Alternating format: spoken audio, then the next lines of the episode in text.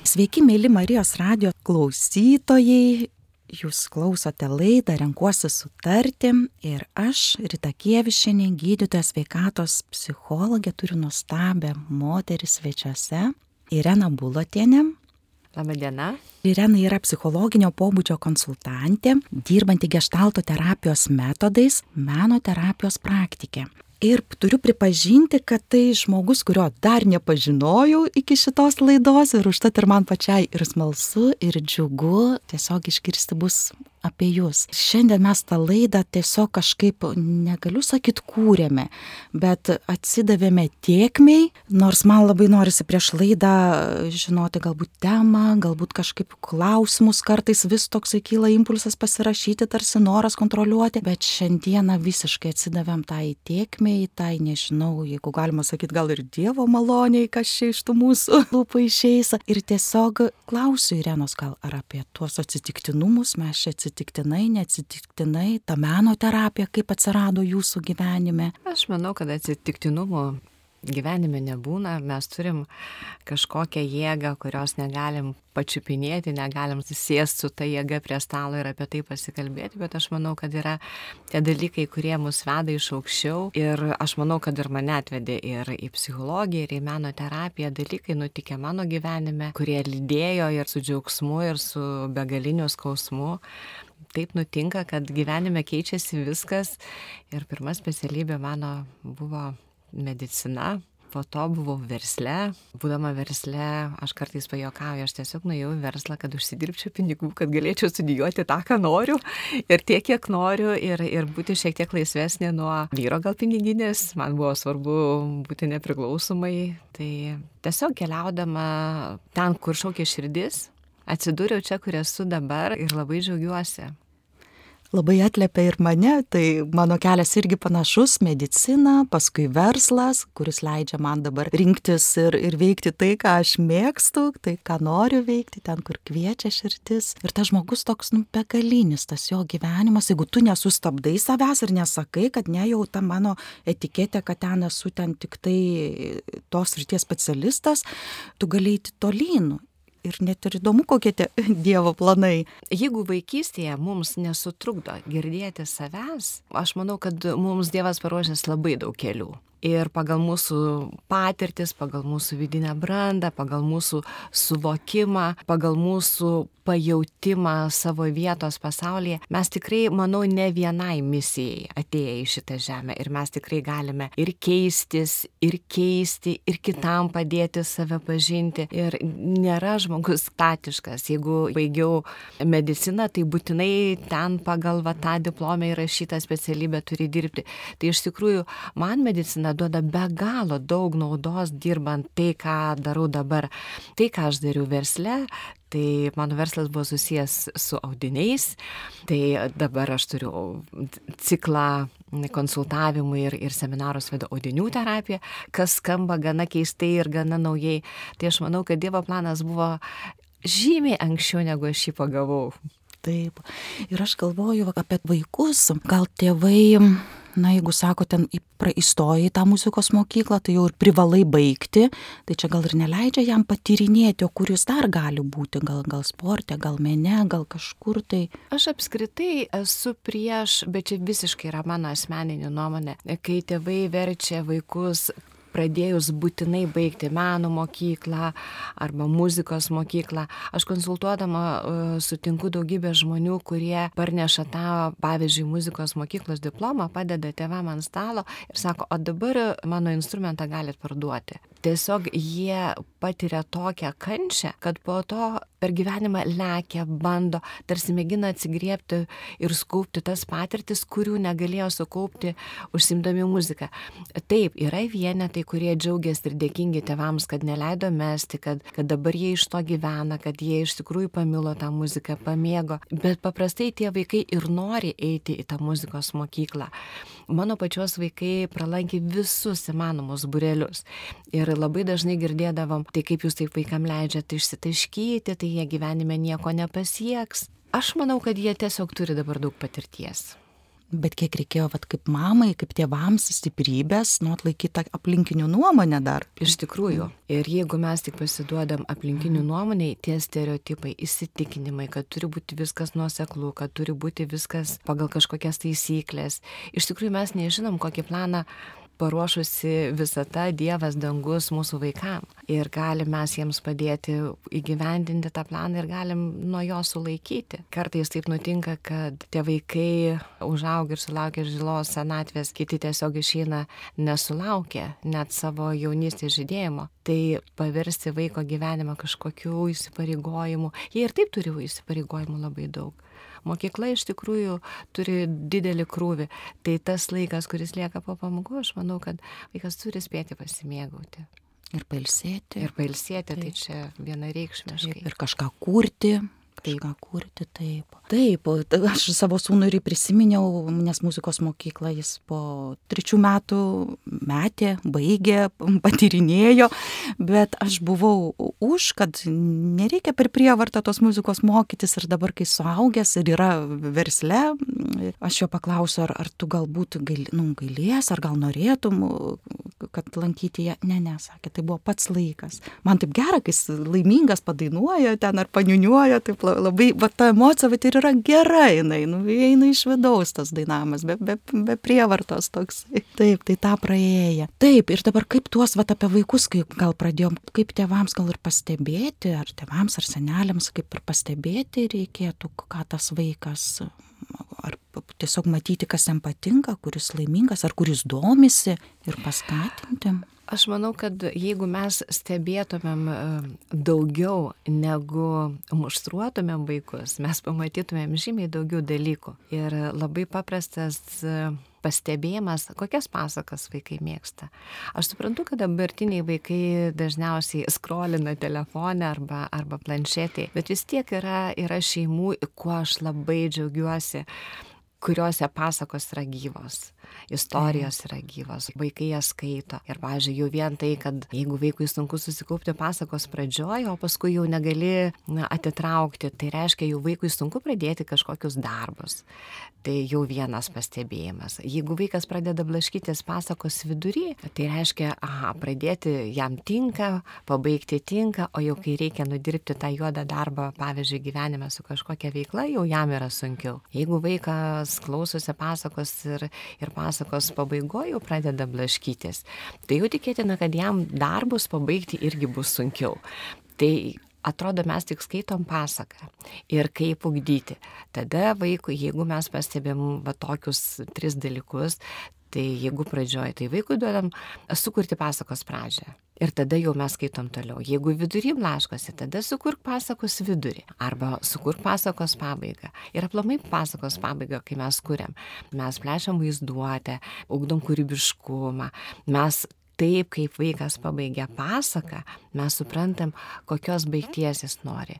Ir dažniausiai toj pasakos pabaigoje yra jo lūkestis, jo didžiulis noras. Ir mes jau žinom, ko vaikui norisi. Konsultacijai vienas berniukas, kuris buvo atvestas dėl to, kad buvo labai išdykęs ten per muzikos pamoką, pavyzdžiui, per matematikos pamoką dainuodavo, aš labai nustebau, kai mes žiūrėjom pasako paveikslėlius, korteles, tai jis ir vieną pasaką žino, ir kitą, ir trečią, ir, ir galvoju, va, tas išdykęs, kuris per matematikos pamoką dainuoja visas pasakas, žinom.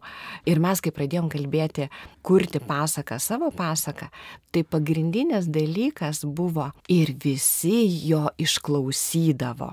Tai ką vaikas jautėsi neišklausytas, neišgirstas ir atrodo toks paprastas dalykas. Ir mes pasikalbėjom su mama, tada mama pasikalbėjo su mokytoja ir tada pasirodo, vaikas apskritai daug šneka ir dar šneka labai greitai. Ir tiesiog ne visada mokytoja dėl vaikų gausos gali jį išklausyti iki galo.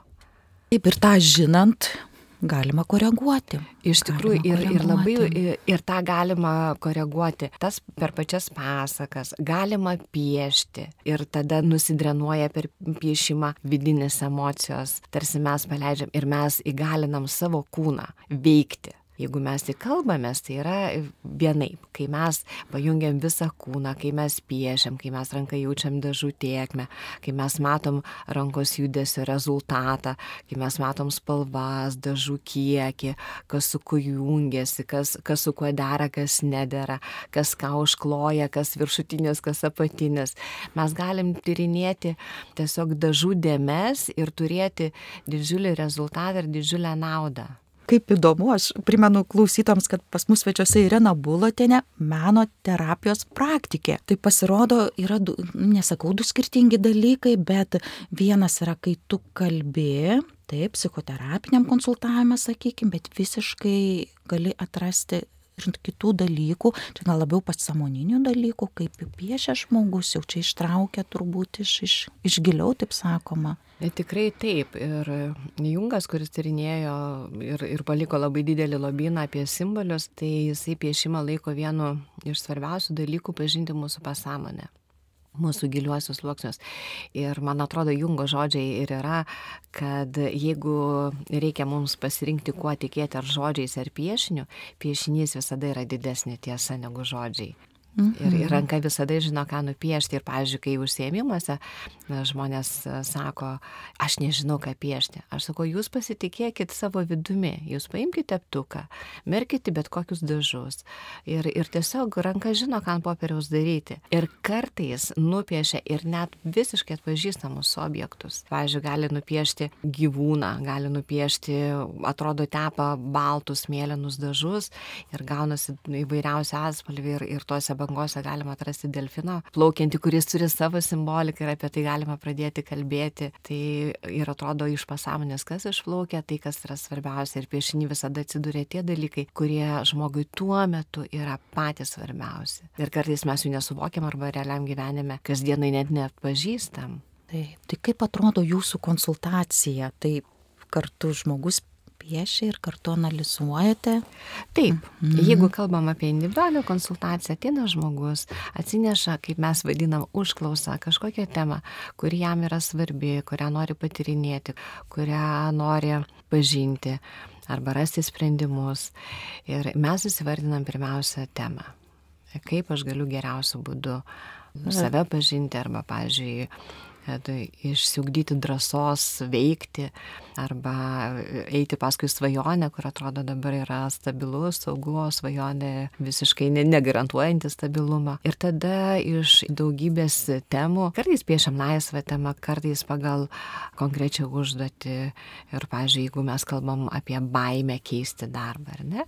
Nupiešta baimė. Kaip atrodo ta baimė? Į ką ji panaši? Tada mes pradedam kalbėti apie kiek ta baimė vietos užima lape, kurioje lapo vietoje yra, nes lapas turi 16 vietų, kur yra tam tikros reikšmės. Ir lape yra ir praeitis, ir ateitis, ir dabartis, ir svajonės, ir įsivaizduojami dalykai, ir net lapo vieta turi santykių su mama, santykių su tėčiu, mes galim pasižiūrėti, kas labiau įtakoja. Ir pagal tai klientui užduoti klausimus. Tada, jeigu ten lape Pavyzdžiui, ta baimė yra tik dėmes tada mes tarsi išrušiuojam, aha, mėlyna dėmė apie ką, į ką jį panaši, apie ką jį galėtų būti, o ta raudona dėmė apie ką, o, o ta geltona, aha, jeigu mėlyna dėmė apie tokią vanduo, ne visai stabilu, ne visai saugu, neaišku, koks gylis ir viršų yra raudono tada o raudona, o raudona yra aistra, yra baime, yra pasiryžimas eiti ir daryti, bet tuo pačiu baisu, ar neprasiverš agresija,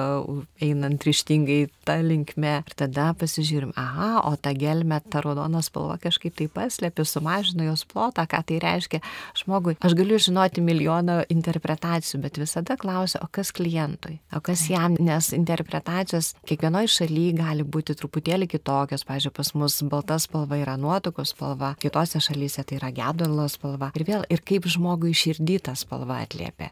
Ir pagal tai klausiu ir, ir sakau, ta baimė užima vat, ketvirtį lapo. Čia daug ar mažai. Ir sako, galvoju, kad užspalvinsiu visą lapą. Galvojau. O nuspalvino realiai faktas, ką padarė rankos, ką mato akis, yra tik ketvirtis lapo. Ir mes apie tai kalbam. Iš ryto šį rytą rengiausi, na, nenoriu aš tos ryškios raudonos spalvos šiandieną, noriu nu, balto. Nu, aš, aš aišku galiu apsirengti, išbūti iš nu, tą, laiką, bet vis tiek va, kažkur su tais norisi balto, norisi minkšto šį rytą. Tai va čia žiūrėkim taip į tą audinių tarsi perėjom. Taip, mhm. taip. Kaip, kaip čia su tais audiniais išėjo jūsų su, temos? Audiniai, tai iš tikrųjų mano verslas buvo susijęs su audiniais.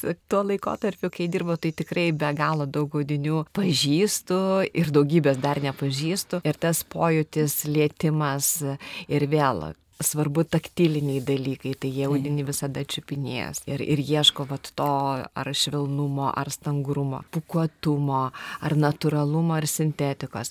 Tie, kurie vizualai, jie žiūrės į spalvas, netaip svarbu, kas ten, kokia sudėtis, svarbu kokia spalva, kiti audinius uosto nes kiekvienas audinys turi kvapą. Ir nežinau kaip mūsų klausytojai, bet aš tai puikiausiai dar atsimenu ir Vilnos kvapą, ir Lino kvapą, ir sintetikos kvapą. Taip, taip, aš tiesiog per audinių parduotuvės tai taip ir lėti, bet kvapas irgi įtakoja. taip, taip, taip, taip aš, mes dirbam su audiniais, mes mhm. matom, uodžiam, liečiam, jau pajungiam tris dalykus. Ir pavyzdžiui, audiniai, kai pamačiau visiškai atsitiktinai vieno užsiemimo metu, ten mes darėm dailės terapijos e, tokį pratimą, sakyčiau, ir ten buvo naudojamos akmenukai, juostelės, kriuklytės, žavinti lapai, ten kuriam tokią gyvenimo kompoziciją, kur yra daug resursų, kas pastiprintų. Ir viena moteris pradėjo ieškoti vieną juostelę pasimę, sako, man dabar reikia kitokios e, struktūros. Ir viena viena tokia šilkinė, aišku, ten ne šilkas, bet atrodė kaip šilkinė, o kita pasimė organzą ir pradėjo vinioti. Ir sako, ir to organza, sako, čia nesusisuka. Ir aš galvoju, o ką tu čia darai? -hmm. Čiagi santykius kuri. Ir tada pradėjau ieškoti apskritai, ar yra kažkokia audinių terapija. Ir savo džiaugsmui radau. Ir e, išklausiau visą tą kursą online. Ir dabar iš tikrųjų matau kiekvieną kartą nuo džiaugsmo iki, nežinau, iš tikrųjų audinių terapija viena iš tų, kuri labai dažnai pravirkdo klientus, nes paimam šeimos narius. Kiekvienam šeimos nariui paimam po skarelę. Pavyzdžiui, aš dirbu su skarelė. Mano mama jau amžinatelsi ir paliko didžiulį lobį skarelio. Susirinkau visas, tai pasirodo virš šimto. Jeigu mama žino, tai ji labai džiaugiasi. Ir viena skarelė yra mano mučiutės ir viena to to dailininkė, būdama mano seminare, sako, Irena, sako, tu šitą skarelę, sako, šitaip čia dabar leidi visiems čiupinėti, sakau, kas čia tokio, sako, jai tikrai virš šimto metų. Tokia vilnonė, mėlyna languota. Ir aš atsimenu, kad ji visada, kiek aš save atsimenu, visada buvo namuose. Tai iš tų skarelių, kai kuria savo šeimos kompoziciją ir kai pamato, pavyzdžiui, konkrečiu atveju mama, likusi viena, vaikų tėtis išėjo, savo vaikus sudėjo, susuko į tokias rožytės, sudėjo į vidurį ir pati apgaubė juos visus, apgaubė, tada pasimė šniriuką ir surišo. Ir aš sakau, kaip tie vaikučiai jaučiasi viduj saugiai. Sakau, o jie gali pajudėti. Ir tada jis suprato, kad vaikai negali pajudėti, jį juos užveržusi. Ir kai atsileido, mes ten pradirbom tą procesą, atrišo tą šniuriuką ir tas šniuriukas buvo jos baime suklysti. Ir kai paleido tą baimę suklysti, taip graudžiai verkė, sako, tai aš tuos vaikus, vyras išėjęs jau beveik metai, aš tuos vaikus turbūt taip ir dusinau. Taip. Tarsi iš noro padėti, bet ir iš baimės. Iš didelio rūpešio, taip, iš didelės iš atsakomybės, taip. iš didelės meilės, iš didelės baimės suklysti. Arba tiem vaikam palikti kažkokius traumuojančius dalykus. Mes susitikom su tavo moteriam dar kelis kartus ir vaikai pasakė, mama, sako, o kas tau pasidarė? tai buvo man didžiausias komplimentas. Taip. Ir man atrodo, kas. Audinys. Audinys. Taip, audinys, kuris iškėlė kažką, tai kas, na, tas emocijas gal. Ar tos. Taip. Ir jeigu kalbėti apie audinius, tai gali audiniai būti sukarpyti, skilėti, nešvarūs, susiglamžę ir ką žmogus renkasi. Viena mano dėžė yra su skarelėm, o kita yra su įvairiausiais audiniais, su įvairiausiam atraižom. Tai kartais irgi pasime dėmėtą audinį ir sako, čia aš apie ką tai, apie ką tos dėmesį. Taip. Ir apie audinio garsą galvoju, taip, nes vis tiek audinys ten vat, čiaža, sakykim, arba moteris perkasi rankinę, kur garsiai užsidaro, už, užsisega, garsiai atsisega. Tikrai. Taip, taip. Tikrai taip. Mhm, taip, taip ir visus pojūčius tarsi. Jungti pojūčius visus, ką mes turim, kad suvokti, kaip gyvenam, kaip lekiam, kaip skubam taip. Ir kad suvokti vis tik, kas tu esi, Čia apie Taip. tai, ar ne? Ir, ir vėl, jeigu kalbėti apie audinius, labai gražiai parodo, kokią poziciją užimam šeimoje - vadovaujančią, globojančią, globojamą, atsakingą, mažiau atsakingą, kiek vietos, ką užguli, kas mane užgula, kokio ryškumo, kokio spalvingumo. Dabar kalbu tik apie šeimą, bet pavyzdžiui, dirbant su kolektyvais ir, ir ypatingai, kai būna, nes kartais dirbu organizacijose, kada kolektyvai kolektyvo formavimas vyksta, tai kaip, kaip tos karelės susijungia. Vieni atsiklausia, ar galiu aš prisirišti, o kitas paima, patempia, čia pasislink, man reikia prisirišti tave. Net nesiklausia. Ir tada tas, kurio ten skarelė arba šalika ryša, net taip susimo už krūtinės ir sako, oh! ir nedrįsta paprieštarauti. Tai nereikia Gyvenimas. tada kalbėti, kas kokį santykių kuria, kokiu būdu kuria. Tai yra tokie atrodo paprasti dalykai, bet jie parodo tiek daug vidaus, kur kalbant mes gal po dešimties ar dvylikos valandų žinotumėm tai, apie ką mes pamatom. Tai yra valandą. Kitaip tariant, audinių ta terapija leidžia mums sąmoningai ir iš šalies pastebėti tuos dalykus, kurie rutinoje atrodo įprasti mum ir galbūt norim kažkokių pokyčių, o nepastebim, kurioje vietoje galbūt to pokyčio reikia galbūt vat darbe gal tas kolektyvas na ten nejaukiai žmogus jaučiasi bet čia nuo santykių priklauso arba atvirkščiai jis mato kad čia nuo manęs jau man reikia keistis čia visų ribas ten pažeidinėju ir įsakinėju tai kas vyksta su mhm. audiniais kas vyksta ant piešimo lapo kas vyksta kuriant pasakas yra mūsų pasąmonės dalykai mes kartais jaučiam kad pavyzdžiui buvo atvejis kai atėjo moteris sako man sunku užmegzti santykius aš atėjau į antrą kartą į naują darbą ir jaučiu, kaip man sunku užmėgsti santykius. Ir mes abi mesgiam santykius. Tai pasimė net neatsiklausus. Ta mano audinio gabaliuką pasidėjau kaip jai reikia, susitvarkė, sako, bet dabar aš jaučiuosi gerai. Sako, o kaip aš jaučiuosi? Ai, nu jo. Aha. ir, ir tada nereikėjo man sakyti, kad, va, jūs per mažai einat į santyki, labiau į save. Ir čia iš tikrųjų išlenda mokymas, kuris dabar labai paplitęs. Atsigręžk į save, pirmiausia pasirūpink savim, žiūrėk, kas tau gerai. Ir kartais peržengiam tas ribas ir, ir mes tarsi pametam tą kitą. Gerai, aš galiu rūpinti savim, galiu pirmiausia savo poreikius tenkinti ir tik tada patenkinti kito. Bet galima apsidairyti vieną dieną, kad tų kitų nebėra nes mes visiškai nebesirūpinam kitais ir vėl atrasti tą aukso viduriuką. Taip, aš turiu būti pailsėjusi eidama į darbą. Taip, aš turiu pasirūpinti savim, kad aš galėčiau pasirūpinti kitu. Bet jeigu aš pasijutau vos vos pavargusi, arba kartais ir gerokai pavargusi, ir sakau, viskas, šiandien baigiam, aš jau pavargau. Arba pavyzdžiui, konsultacija trunka valandą laiko. Ir dešimt minučių prieš pabaigą klientui tiesiog prasiveržia emocijos, iškyla kažkokie jautrus svarbus dalykai. Aš visada turiu pasilikusi 5-7 minutės užtęsti, kad žmogus pietų išbaigti savo vidinius procesus. Ir tai nėra savęs kažkoks nuvertinimas, kad aš duodu ilgiau žmogui pabūti su savo emocijom, kad aš jį palydžiu per tą kelią, kuris va tą akimirką yra pats sunkiausias. Tai nereiškia, kad, o, mano laikas baigėsi. Aš manau, kad reikia visada atrasti tą žmogiškumą. Ir audinių terapija labai parodo, ar mes einam į tą tokį draugišką santykį, į jautrų, su atjauta, ar mes iš tikrųjų svarbiausia aš, o paskui visi kiti jūs prisitaikykit prie manęs. Tai aš sakau, o tai kas taikysis, jeigu visi galvos, kad taikykitės prie manęs? Labai įdomu jūsų klausytis.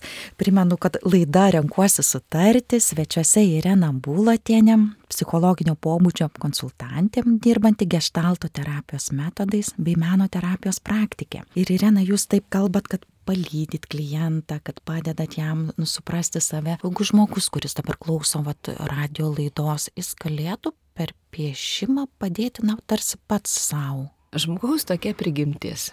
Mes savo, kaip aš juokauju, blaivę galvą, neįsim ten, kur sunku. Žmogus visada keičiasi per tą pusę, kur skauda. Ir tas meno terapeutas reikalingas tam, kad jisai užduotų tinkamą klausimą ir iškeltų dalykus, per kuriuos žmogus galėtų keistis. Taip, mes piešiant galime paleisti, tarsi nudrenuoti savo sunkes emocijas. Tikrai yra be galo stipri nauda piešti ant stiklo ir nuplauti tos dažus, piešti sunkes emocijas. Pavyzdžiui, skausmą, kad ir netekties skausmą. Nebūtinai mirusio žmogaus. Gali būti ir skirybos, ir vaikų išvažiavimas į kitą miestą studijuoti. Tai galima piešti ir nuplauti. Galima piešti ant šlapio popieriaus ir leisti dažams kleistis, nevaldant. Jeigu mes labai kontroliuojam, mes piešiam ant šlapio akvarelinio popieriaus guošų, dedam taškiukus ir jie tada jau mūsų nekontroliuojamai skleidžiasi ir pasižiūrėti, kokie nuostabus kūriniai gali išsiskleisti mums nevaldant, nesiekiant visko sukontroliuoti. Galima piešti akrilu, kada ir neskiesti vandeniu, kai mes norime sunkės emocijas sudėti ant popieriaus. Taip, tai yra stiprus terapinis poveikis. Bet jeigu mes norime gilesnio tokio vedančio į suvokimą, mums reikalingas meno terapeutas, kad galėtų padėti tuo sunkiu keliu praeiti. Terapeutas vis tiek eina kliento tempu, kliento žingsniu ir kiekvienas užduotas klausimas yra didinti suvokimą, didinti vidinį poreikį. Nes už kiekvieno kažkokio skaudulio slepiasi nepatenkinti poreikiai. Taip, va čia apie nežinojimą, kas tau šiuo metu yra svarbu. Ir kiekvienoje skaudžioji patirtį atrasti naudą kad ir kaip skaudėtų, kad ir kaip plyštų širdis iš skausmo, mes visada tame galime atrasti naudą. Čia jau kaip ir apie psichologinį atsparumą, taip mes išeiname iš to, kas buvo sunku, tarsi užaugę, užaugę su nauja patirtim ir galintys gyventi toliau tą tokį pilnavertį gyvenimą. Taip, ne, taip. Ir, ir kai skaudžiais momentais aš duodu savo klientam tą klausimą, kokia nauda iš to, tai labai dažnai būna ta pirmoji reakcija tokia su pasipiktinimu netgi. Ir aš labai gerai suprantu, nes šitą klausimą aš girdėjau pati ir, ir kaip juokauju, aš tada norėjau trenk durim ir išeiti ir sakyti apskritai, kaip toks klausimas gali būti, bet aš suprantu, kad tas klausimas buvo viso ko, viso mano pokyčio pradžia. Taip, jūs turėjote gyvenimo ar ne įvykį, kuris.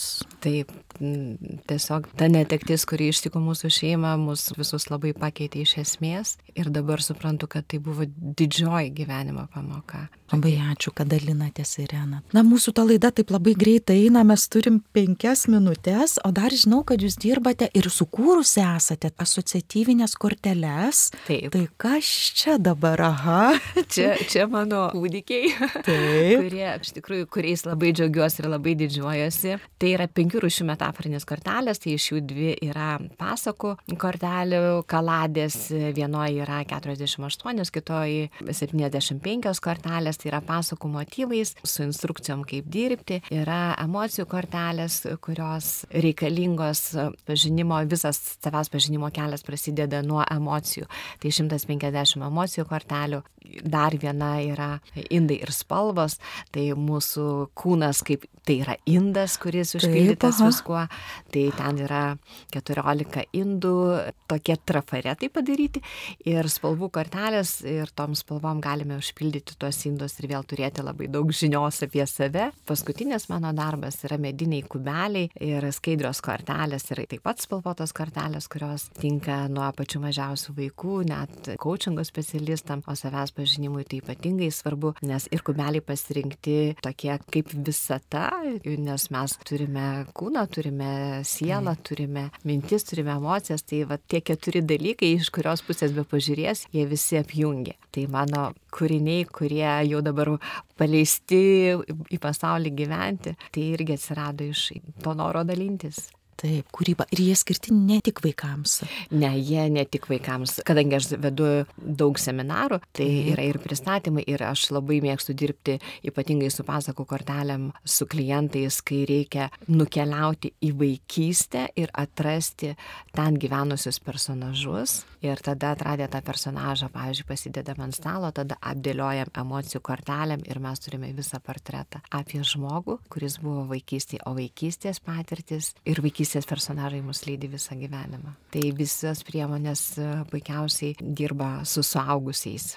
Ir minėjo dar apie art coachingas, gali būti taip? Taip, Taip, tai čia žmogus, kuris klausinėja kitus, taip, ir susijęta jis su menu, su klaus Taip, ir- ir- Mhm. Ir tie kubeliai, būtent ten tie kubeliai vadinasi galimybių laukas ir, ir dabar jau galima juos nusipirkti paprastai elektroniniai parduotuviai www.pasakų kortos LT. Tai iš tikrųjų coachingui menas padeda vėl keliauti žymiai greičiau. Pasima žmogus kubelį ir, pavyzdžiui, tas paveikslėlis, kuris yra veidų į klientą, tai yra, sakykime, kaip apibūdintų problemą ir, pavyzdžiui, tai, kad tas paveikslėlis, kuris glaudžiasi prie delno, yra sprendimas, kuriuo nesinaudoja. Toks paprastas dalykas. Aha. O coachingas yra nukreiptas į veiksmus ir, ir, pavyzdžiui, net klausimas, kada pradėsite, pavyzdžiui, kažką daryti ir kai žmogus sako, nu, kitą mėnesį, tai aš sakau, tada reiškia niekada. Tai ir piešiny tas matosi, ar daugiau orientuotas į ateitį, ar labiau į praeitį, kiek yra į dabartį susitelkęs. Taip, tiesiog kortelės padeda e, žmogui e, labiau, greičiau galbūt rasti sprendimą. Ir Ar mhm, taip jūs žinote. Taip. Mhm. Ir žmogus pats atranda tą sprendimą. Pavyzdžiui, susidėlioja, kad ir tos kubelius susidėlioja ant popieriaus lapo. Viskas susitelkia į praeitį. Ir sako, aš labai daug turiu idėjų, aš labai veiklus, aš labai einu į priekį. Ir aš tada sakau, jeigu mes laikysim, va šitą pusę yra praeitis, va čia yra dabartis, o va šita lapo dalis yra ateitis. Tai kurioj lapo pusėje susitelkia daugiau, pavyzdžiui, jūsų pasirinktų ir sudėtų kaladėlių. Čia kažkaip ne taip. Čia šiaip gyvenime taip nėra, aš labiau orientuotas į ateitį negu į praeitį. Ir tada žmogus, ir nereikia baksnuoti pirštu, o tu matai, va čia yra tas ir tas. Žmogus pats supranta, kad susitelkęs labiau prie pažįstamų dalykų ir šiek tiek vengia naujų. Ir čia vizualiai Taip. pats mato. Niekam nieko sakyti nereikia. Tik išsakyti savo pastebėjimą. Na labai, Irena, su jumis įdomu bendrauti, labai turbūt sužadino tai jau, jau ne tik mano, bet ir, ir klausytojų turbūt smalsumą ir kiek daug yra įrankių pažinti save, kiek daug įrankių yra keistis ir ar per tą pažinimą eiti savo ritmu į priekį turbūt, savo žingsnių, savo greitumu, nespaudžiant savęs. Ir, na, tikrai labai įdomu ir džiaugiuosi, kad jūs tame kelyje, turbūt dar atradimų ir kūrybos kelyje Tikrai taip. nes tai yra kelias, mūsų gyvenimo kelias. Ir labai dėkinga, kad atėjot į studiją. Gal norėtumėt palinkėti ką nors? Iš tikrųjų, visiems klausytojams noriu palinkėti klausyti savo širdies, girdėti Dievo planą. Ir jeigu norite kažką daryti, darykite. Jeigu niekada noras nekyla, jeigu nėra resursų tą daryti. Jeigu mes norime daryti, tai mes turime vidinių išteklių tą padaryti ir pasitikėti, kad mus tikrai palydės ir mus apsaugos. Ir jeigu sunku, taip ir turi būti, taip mes augam. Ir linkiu kūrybiškos kiekvienos dienos. Ačiū Irenai ir būkite sveiki ir iki. Iki, ačiū, kad pakvietėte laidą. Iki.